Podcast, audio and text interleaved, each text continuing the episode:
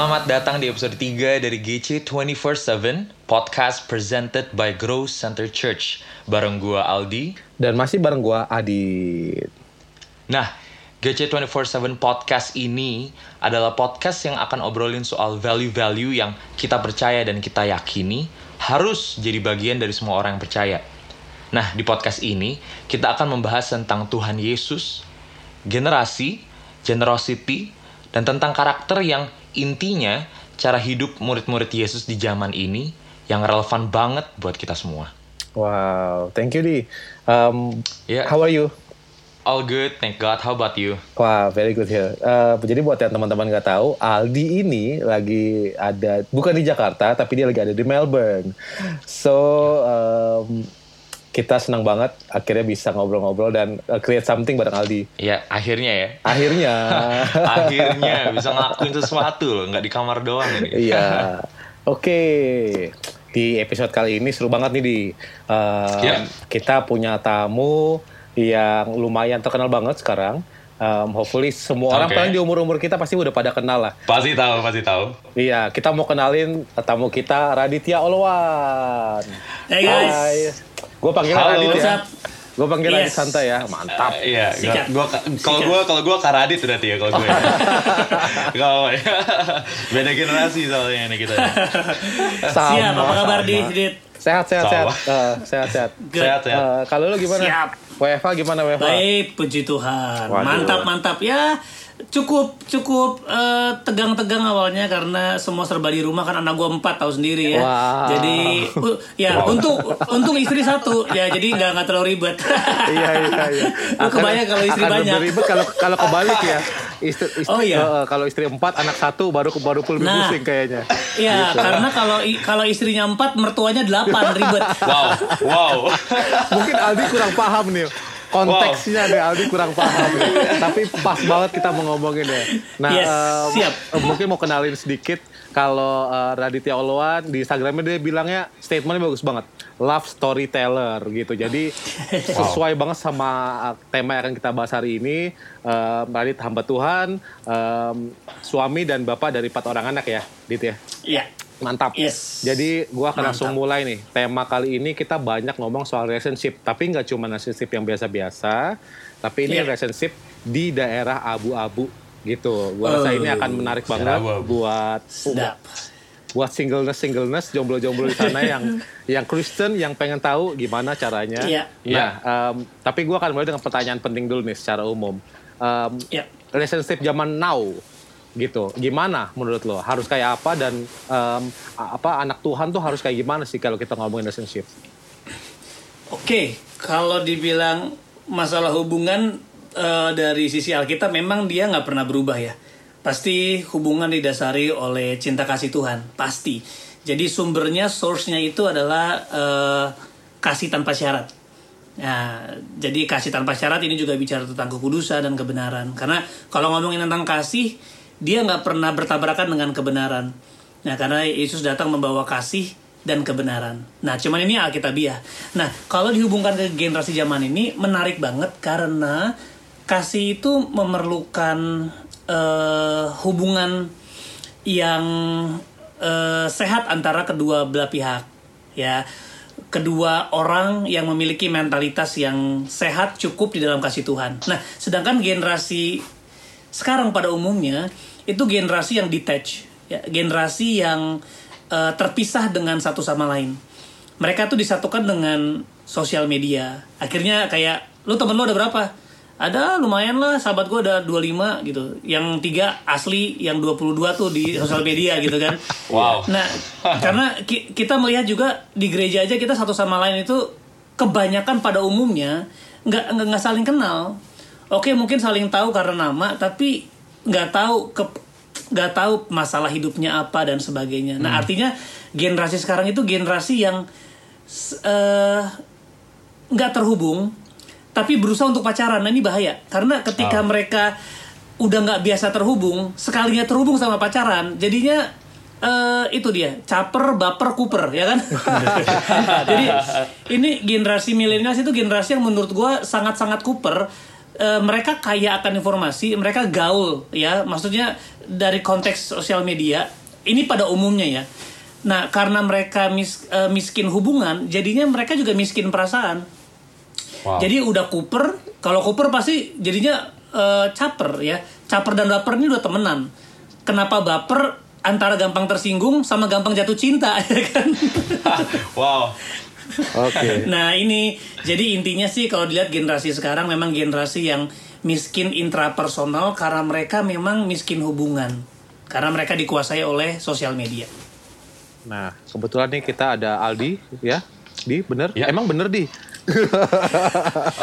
Dia mah gaul. Dia gaul, Dia mah aduh. gaul. Dia gaul. Waduh, genera- generasi witches katanya kalau Aldi nih. Generasi witches. Enggak, tapi gue gue seneng banget ngomongin tentang baper-baperan ya ini ya. Jadi gini, oke kalau kita ngomongin tentang generasi zaman sekarang ini, gue punya gue punya kenalan lah. Gue punya beberapa teman di di circle gue dan teman gue punya kenalan segala macem. Gini, jadi mereka itu ada yang um, waktu dia mereka itu pacaran pas mulai SMP atau udah SMA gitu udah mulai kuliah gini. Terus mereka pacarannya itu udah kayak lam- jangka waktunya udah kayak setahun, dua tahun, dah tiga tahun udah lama gitu ya. Terus gue pernah gue pernah ajak ngobrol gitu kan. Terus gue tanya, eh lu pacaran lama-lama gini ya? Mau lu bawa ke mana tuh cewek lu? Mau lu bawa ke mana tuh cowok lu? Terus teman gue kayak diem, terus dia ngeliatin gue. Eh nggak tahu di. Gue dalam hati kayak, aduh ini apa apaan ini? Nah ini jadi gue jadi pingin gue jadi pingin ngangkat ini kayak kalau untuk Oh. pacaran ini tolak ukur untuk kita bisa siap pacaran tuh gimana sih? Kayak apakah perasaan aja atau apakah materi atau Iya. intelektual atau mental atau gimana? Yes. Oke, jadi eh, pacaran sendiri memang di Alkitab nggak ada ya. Tetapi memang eh, pacaran itu kan hubungan antara kedua belah pihak yang didasari oleh kasih asmara. Pasti arahnya ke situ. Nah, jadi kalau kita lihat eh, pacaran yang sehat, pasti pacaran yang punya tujuan ke arah pernikahan sebenarnya. Kalau memang nggak ada tujuan ke arah situ, lebih baik nggak usah. Mendingan temenan aja gitu. Nah, kalau tadi Ali nanya pacaran yang siap itu gimana? Nah, kita lihat kan bahwa kalau kita tahu pacaran itu memang dia ke arah pernikahan, berarti dasar di pernikahan harus bisa di-apply walaupun nggak semuanya di dalam pacaran.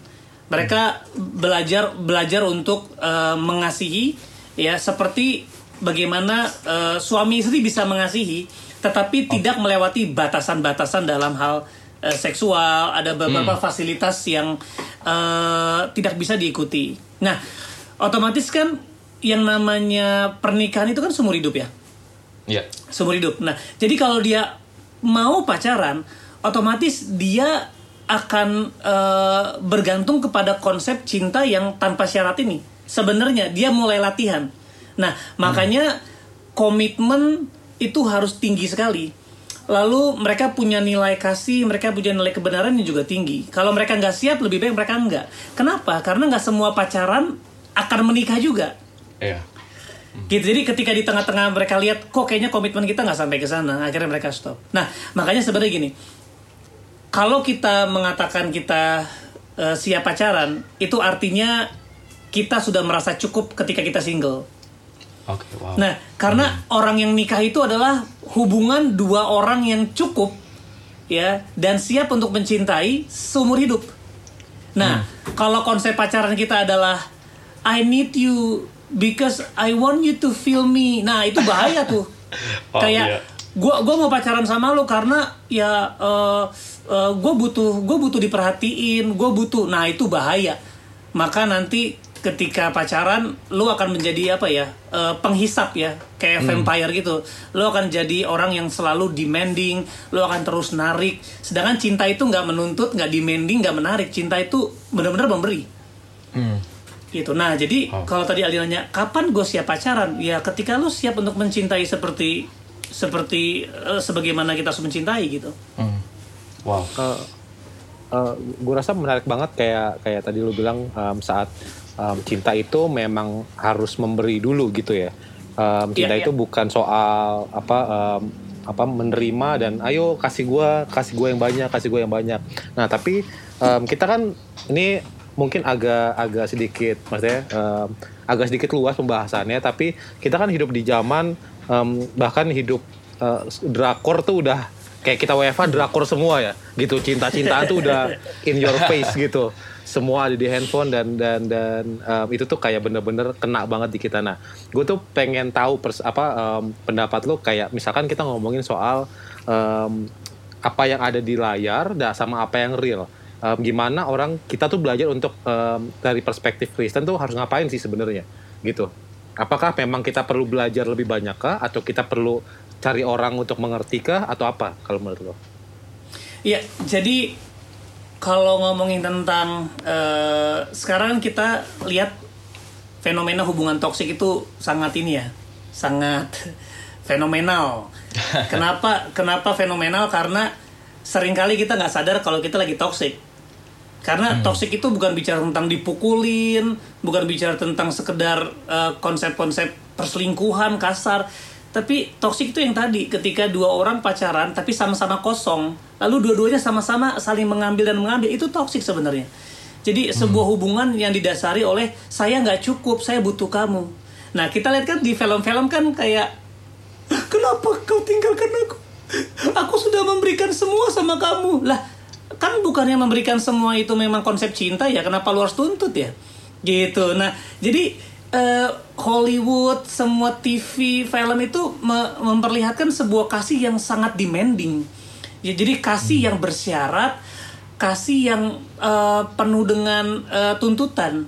Nah, udah gitu ketika dia diberikan segalanya, misalnya gini kayak ada satu cowok ya, aku rela tinggalin semuanya keluargaku pekerjaanku terus kita kayak hmm. ah romantis itu bukan romantis itu bodoh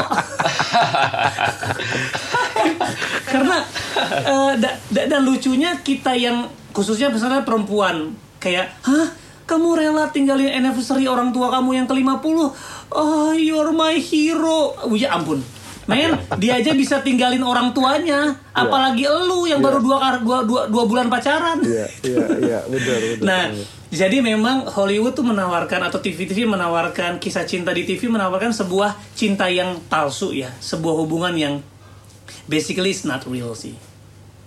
Hmm. Oke, okay. wow, keren Mana tuh deh? Gimana ya? Ini ngomongin ya sebuah sebuah cinta yang nggak real ya. Oke, okay. tadi uh, sempet banget uh, di awal-awal tadi Karadit sempat ngobrolin tentang ada ngomongin pop up kata komitmen itu. Iya. Yeah. Uh, gue gue pengen tanya sih seputar komitmen sekarang ini uh, anak-anak zaman sekarang. Ini Kadit Kadit mungkin berpengalaman tentang ini mungkin. Sebenarnya gue nggak bilang ini sebagai gaya berpacaran tapi gaya iya. hubungan. Iya. Gaya hubungan zaman sekarang ini tuh uh, eh, gue nggak bilang pacaran tapi ada yang namanya HTS Iya. wah hubungan tanpa status. Kadit bener nggak itu? Ada nggak itu? Iya. Menikah atau tidak menikah kan? Nah kalau kita ngomongin tentang hubungan tanpa status nih kan ini kan kayak kalau kita bicara tentang pacaran kayak tadi ada komitmennya. Nah ini yeah, kan hubungan yeah. tanpa status nggak ada pacarannya yeah. jadi seperti abu-abu gitu. Yes. nah uh, pertanyaan gue nih kenapa anak-anak zaman sekarang ini banyak yang kayak nggak hargain komitmen sih? Jadi kenapa mereka malah milih hal yang abu-abu kayak nggak yeah. hal yang pasti? Padahal at the same time di HTS itu benar-benar kayak lu sebenarnya temenan tapi cara interaksi lu tuh udah kayak you know kayak dalam bentuk pacaran gitu. Jadi yeah. kayak iya. Yeah. wow. Jadi gimana tuh? Seru. Jadi gini uh, ini juga sebenarnya uh, sudah terjadi sejak lama sih. Sejak gua SMP pun HTSan tuh tahun 90-an ya HTSan pun ini jadi satu fenomenal tertentu. Nah lebih parah sekarang karena gue pikir gini generasi makin sekarang makin sekarang memang generasi yang sangat-sangat cerdas tetapi mentalitasnya bobrok. Ini secara IQ pun sudah terbukti bahwa setiap tahun IQ-nya eh, generasi semakin bertambah tapi IQ-nya semakin menurun jadi lu bayangin kita berhadapan dengan orang-orang yang super super smart, artinya smart itu banyak tahu, tetapi nggak ngerti gimana cara berhubungan. Jadi mereka pinter tapi nggak punya compassion, mereka kritis tapi nggak punya belas kasihan. Jadi lu bisa bayangin, uh, jadi uh, ini juga yang menandakan sekarang itu orang makin takut yang namanya komitmen, because hmm. commitment is very scary bro, it's very wow. scary Jadi di Amerika eh, kan sekarang banyak orang bukan sekedar HTSan, dia punya anak tapi nggak nikah. Ya. Nah itu fenomena yang sangat luar biasa terjadi di Amerika. Satu waktu hamba Tuhan nanya gini, e, bro, lu kenapa sih nggak nikah? Terus dia bilang, e, ya males ya gimana kan gue tetap bisa punya anak juga gitu ya. Iya tapi ke- kenapa lu nggak mau untuk menikah gitu loh? Loh kenapa harus nikah? Kan nikah cuma sebatas surat Hmm. gitu kan? Terus dia balikin kalau memang cuma sebatas surat kenapa nggak nikah aja? Gitu. Sebenarnya ini alasan karena yang orang takutin itu adalah komitmennya.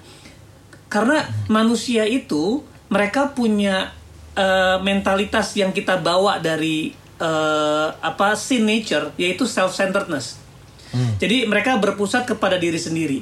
Ketika kita berhubungan mereka punya mental gini gua akan tinggalin lu ketika lu udah nggak ada gunanya lagi buat gua jadi bukan covenant relationship tapi convenient relationship. Jadi hubungan yang didasari oleh ah selama convenient ya gue mau terus sama lu. Selama kita bisa lu bisa fit sama gue, selama lu bisa eh, apa ya selama suitable, selama comfortable, selama eh, agreeable, ya udah kita terus. Tapi kalau udah nggak agree, kalau udah ya udah kita cerai. Nah ini kan hubungan yang murah banget. Hmm. Nah itu kenapa orang senang HTS karena kalau HTS nggak ada komitmen kan, gitu. Iya, itu dia. Makanya eh, memang jujur soal itu saya HTS tuh memang enak banget sih. Betul nggak itu Adit? Kenapa? Kenapa? Karena eh, eh, Helen Fisher seorang eh, neurobiologis ya, dia mengatakan bahwa fenomena jatuh cinta yang namanya chemistry chemistry, lu lagi naksir sama orang, terus tiba-tiba malam-malam bunyi telepon dari dia, lu ngangkatnya kan kayak, aduh, eh eh, beb, beb, eh, boleh nggak telepon lagi? Nanti aku telepon lagi ya, gitu. Terus tiba-tiba kita nungguin nih pas WhatsApp, eh dia. Terus waktu lu lagi balas WhatsAppnya lu nunggunya gila-gilaan nggak? Kayak ting eh dia lagi ya kan? Terus tiba-tiba waktu ada telepon private number ini kayaknya dia nih. Ini kalau lagi LDR ya kan biasa nelfon nelfon tuh private number ya. Ini kayaknya dia nih. Pas telepon "Eh, halo. Halo pak saya ada asuransi. Ya asuransi ternyata Nah, si Helen Fisher ini mengatakan bahwa fenomena mabuk kepayang atau jatuh cinta itu lebih adiksi dari seks bebas. Makanya banyak dari kita jatuh seks bebas kagak mungkin. Tapi yang namanya HTS-an, PDKT, PDKT, teleponan, hai, hai, lagi ngapain, lagi ngapain, itu sangat adiktif banget. Gitu. Nah, nah bayangin generasi sekarang yang eh, secara intrapersonal itu cukup bobrok, gila kalau dikasih kayak begitu langsung terlena. Nah, sur- survei survei menunjukkan bahwa Indonesia sekarang nomor sorry, gue 2000 2014 apa 15 survei pornografi itu men- nomor 4 di dunia Indonesia. Dan rata-rata anak 11 tahun udah mulai. Nah, waktu gue bikin survei tentang pornografi ini, orang-orang yang banyak curhat adalah perempuan dan muka-muka yang menurut kita kayak wah ini sih nggak mungkin. Ini sih kayaknya singer gereja nih gitu. Gitu. Tapi enggak. Aduh muka-muka yang kayaknya tuh kalau aduh imut lucu kacamata tapi dia bilang kak eh, aku udah lakuin itu aku edik banget. Gila gue nggak pernah nyangka. Nah kenapa? Karena hal ini eh, miskin intrapersonal. Nah makanya jadinya orang seneng banget tuh HTSan Terus ditaksir sama pemain Adalah misalnya anak yang lugu Ditaksir sama pemain basket MVP tiap tahun Wah itu langsung kelepek-kelepek tuh Hmm. Mungkin ini jadi salah satu alasan kenapa orang seneng HTSan Waduh, itu um, survei bagus banget, insight yang bagus banget. Uh, gua rasa kita pun perlu dengar um, ini bukan jadi, maksudnya bukan membawa ke ke ketakutan, tapi um, faktanya adalah Yes. 2014 udah banyak banget gitu. Dan ini nih bener-bener real, ada orangnya juga. um, yang kelihatan mukanya yang kayaknya nggak mungkin deh orang kayak gini. Nah, gue mau Iya. coba uh, tarik tadi kita ba- udah bahas dua, kita bahas toxic relationship, kita bahas komitmen. Nah, um, satu kan, gue kan orangnya gampang move banget ya kalau pemberkatan nikah ya. Ini kejujur kejujuran gue nih. Betul, Ah, betul, betul Karena menurut gue itu momen yang momen yang bagus banget gitu kalau kita mengerti konsepnya. Em, itu adalah hal yang tidak mudah dilakukan kedua orang itu. Terus nanti abis itu ketemu sama apa ngobrol sama orang tuanya. Aduh kayak ampun. Maaf ya mungkin Yes. belum tahu ya. Tapi gue rasa eh, belum merasakan itu. Ya. Powerful. Cuman, itu, Itu tuh powerful. lo harus apa gue tuh orang yang buff banget dan setiap pemberkatan itu kan selalu ngomongin kayak eh, kalau di Alkitab tuh 1 Korintus 13 ya ngomong soal kasih. Iya, nah, em, kasih, iya. Sekarang se- sekarang dulu mungkin gue nggak paham tuh kayak apain sih pemberkatan Em, yang penting ada ada apa eh, kambing guling aja udah beres lah gitu nah sekarang nih kalau misalkan kita ngomongin konteksnya eh, relationship gitu Em, untuk orang yang mungkin belum sampai ke sana em, lo akan bilang apa nih kalau kita ngomongin si 1 Korintus 13 tadi soal kasih itu Em, Iya. step by step apa yang lo yang em, lo rasa um, at least tuh Alkitab tuh sebenarnya sudah ada kan gitu. Cuman gimana Iya. cara mengaplikasikannya aja. Entah itu dalam bentuk pertemanan atau yang eksklusif lagi pacaran. Wow, good question. Nah, tadi gue sempat ngeluarin statement gini. Kalau eh, tadi menjawab pertanyaan Aldi, kita harus kalau mau pacaran, kita harus siap untuk apply konsep cinta yang ada di pernikahan. Nah, tapi jangan dibawa ekstrim. Makanya kalau makanya gue rasa kalau tingkat pelajar khususnya SMP, SMA eh, walaupun mereka berusaha untuk menerapkan cinta di pernikahan masih kurang tepat juga. Karena eh, mereka belum waktunya untuk belajar tinggal bareng kan? Mereka belajarnya mereka harusnya belajar untuk gimana caranya ngerjain tugas bareng gitu kan? Bukan bukan bayar bukan punya satu satu rekening bareng tinggal rumah. Nah makanya kalau gua tetap pro artinya mm, paling cepet tuh tuh udah mulai bisa pacaran di kuliah jadi Aldi udah bisa aman Aldi at Boleh least ya? maksudnya Yes. at least kuliah Oh, oke. Nah, kenapa? Karena eh, itu Kidung Agung 2 ayat 7 mengatakan bahwa jangan membangkitkan cinta sebelum diingininya. Wow. Dalam terjemahan lain lebih bagus. Dia bilang jangan kamu membangkitkan gelora asmara sebelum kamu siap. Wow. Karena jadinya ada yang parah, Bro. Jadi di SMA itu pacarnya udah selingkuh, kasar, pukulin, terus ditanyakan kenapa kamu masih terus? Karena aku mau belajar cinta Kristus. Lah ilah, tunggu dulu. Kalau udah nikah baru gitu. Kalau pacar ya cari orang-orang yang benar-benar bisa menghargai kamu gitu sebelum di pernikahan. Nah, jadi harus ada step tadi kalau Adit bilang eh, step untuk kita bisa membangkitkan cinta pada eh, apa namanya ya, pada musim-musim yang tepat. Nah, makanya kita harus belajar cinta bukan di pacaran. Salah kayak, kenapa kamu mau pacaran? I wanna learn about love. Salah. Lu belajar love itu di keluarga dulu. Ya, makanya lu dikecewakan di keluarga, lu disakiti sama papa, disakiti sama mama, dikecewain sama kakak, di, disinggung oleh adik. Nah, belajarlah mengasihi tanpa syarat, belajarlah mengampuni, belajarlah kasih ini yang adalah eh, bisa kita pelajari di keluarga. Nah, setelah dari keluarga ini, baru kita belajar punya teman di luar.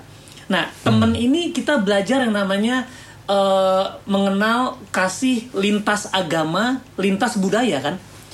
Jadi ini yang Tuhan bilang aku mengasihi dunia makanya dia turun ya mengorbankan anaknya.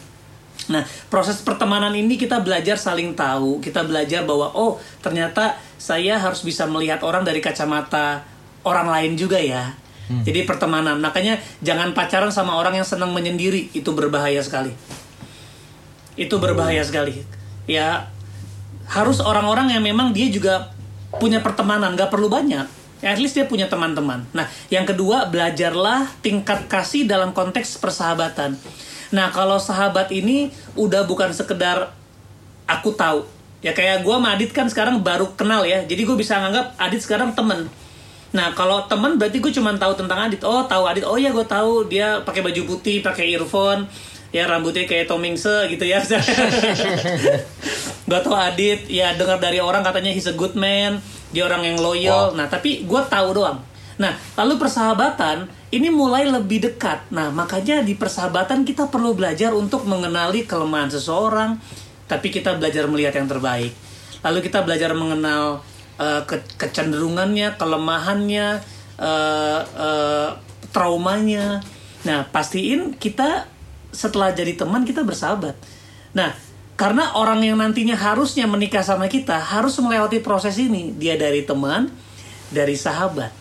Nah, jadi waktu pas PDKT udah nggak nggak berusaha mengenali lagi, lu udah tahu kelemahannya, udah pernah kenal traumanya, lu udah tahu dia pernah masuk dalam hubungan seksual, lu tahu dia punya kepahitannya, lu tahu semua. At least bagian-bagian penting. Nah, pas PDKT udah nggak ngomong itu lagi, tapi langsung tanya, menurut kamu pernikahan apa? Gitu, menurut kamu visi itu apa?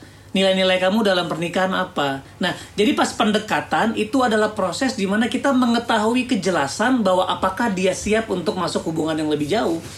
Jadi di PDKT pun gak ada mesra-mesraan jujur kalau gue kan dulu enggak wah naksir nih naksir langsung PDKT jadi gue nggak peduli gue nggak peduli dia siapa gue nggak peduli masa lalunya yang penting gue tahu dia cantik bodinya mantep gitu kan Hmm. Nah, kalau kita begitu tanpa proses pertemanan dan persahabatan, udah pasti semua ini kasih tahu semua yang baik-baik. I'm okay, I'm good, gue rajin ibadah, oh, yeah. itu namanya palsu. Nah, bayangin nggak pas pacaran, pasti akan terjadi hal-hal yang nggak diinginkan.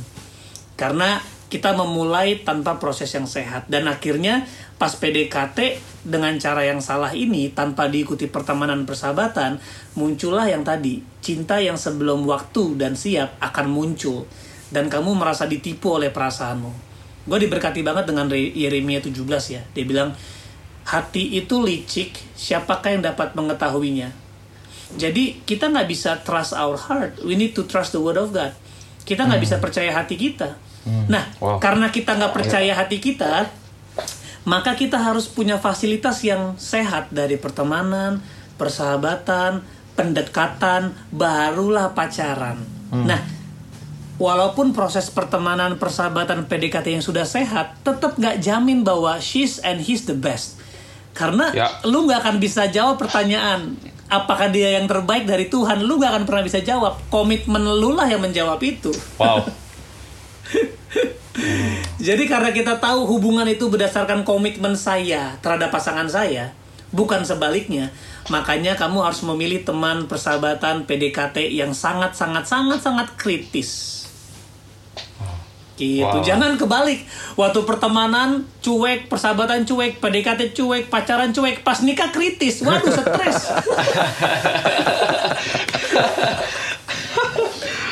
ya, this is what really happen ya, kan. Ini yang terjadi di dunia. Kenapa banyak perceraian? Karena nggak ada proses pertemanan, persahabatan, PDKT yang sehat sehingga semuanya seperti bulan madu pas nikah bulan sabit tiap hari. Nice banget bagus banget poinnya. Uh, eh, gue boleh follow up sedikit gak jadi uh, satu hal yang menarik kan adalah saat kita yang tadi lo bahas dan itu tuh enak banget tuh step by stepnya. Mungkin generasinya Aldi kena banget tuh gitu. Uh, eh, yeah. jadi kayak di um, lo ikutin ya ini patternnya. At least kalau kayak gini lo bisa ngeliat at the end of the day um, lo udah jalanin prosesnya udah bener uh, lu bisa sampai ke sana dengan lebih dengan lebih baik gitu. Nah, pertanyaan yeah. gue kalau orang yang ada di posisi abu-abu atau ada di toxic yes. relationship, mereka harus yes. ngapain? Oke, okay. yang pertama harus cari orang ketiga. Ini ini penting banget uh, karena ketika kita lagi toxic, kita sebenarnya bisa di bisa di apa ya bisa dipastikan memang mereka butuh hubungan itu hmm. karena yang bikin toxic jadi toxic karena udah tahu toksik kita nggak bisa keluar. Itu toksik karena ada apa ya mutual needs ya. Ada apa uh, codependency. Jadi kita kayak aduh tapi gue butuh.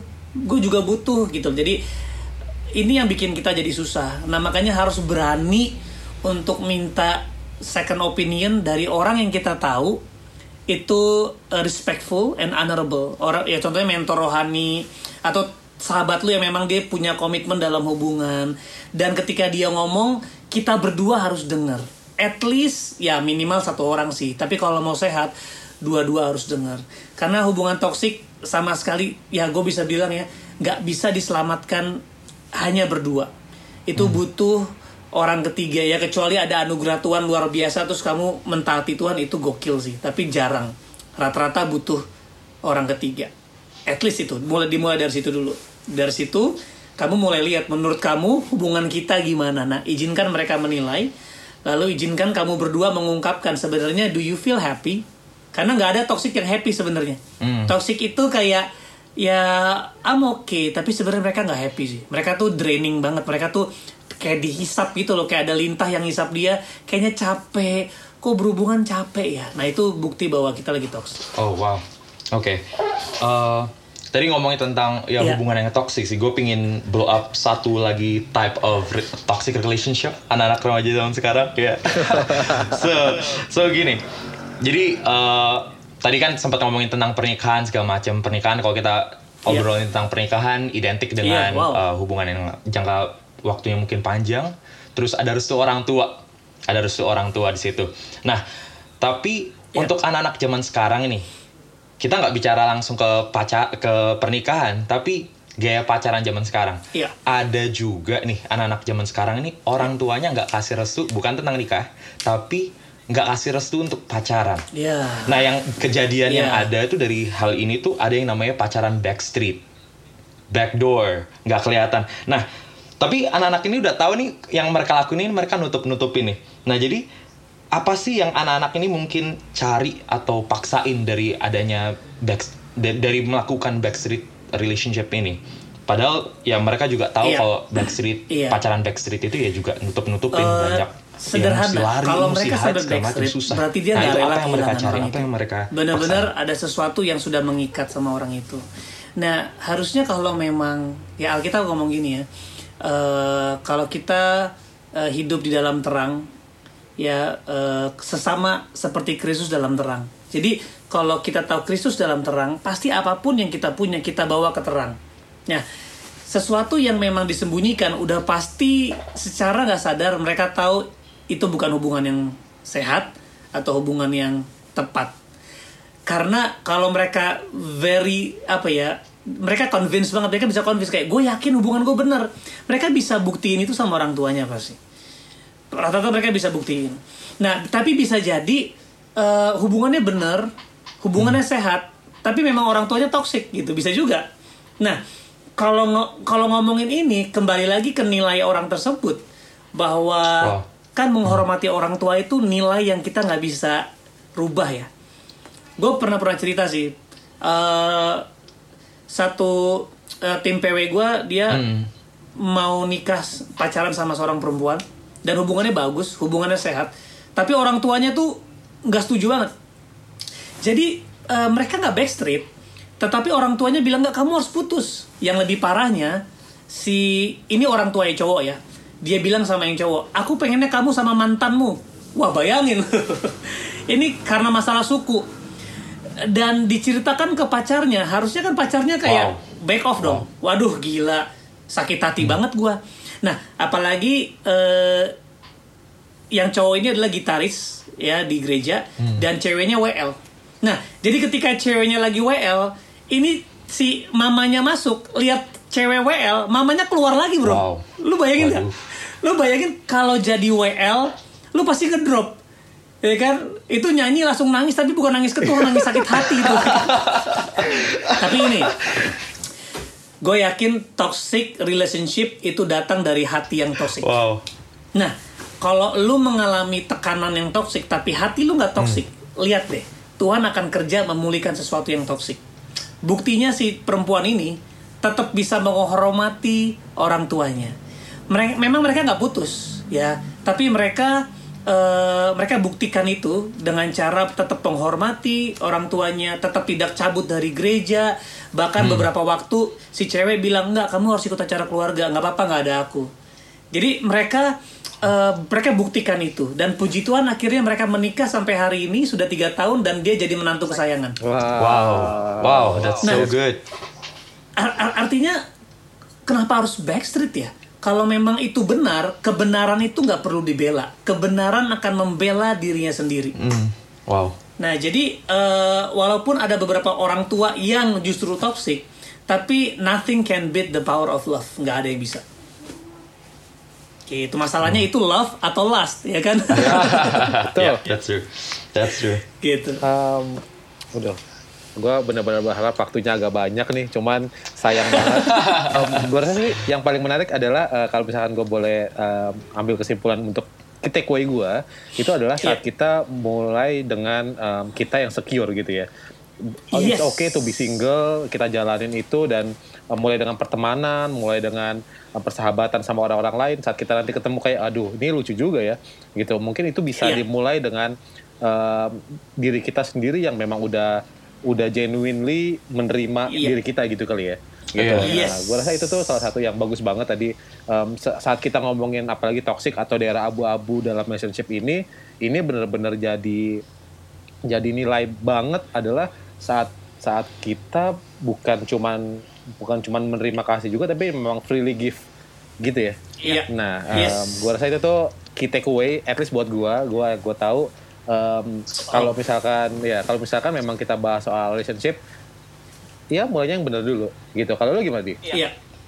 Kalau gue, aduh keren banget sih. Tadi gue bener-bener yang gue highlight sih tentang ini. Gi- Gimana kita harus siap mengasihi anak-anak zaman sekarang.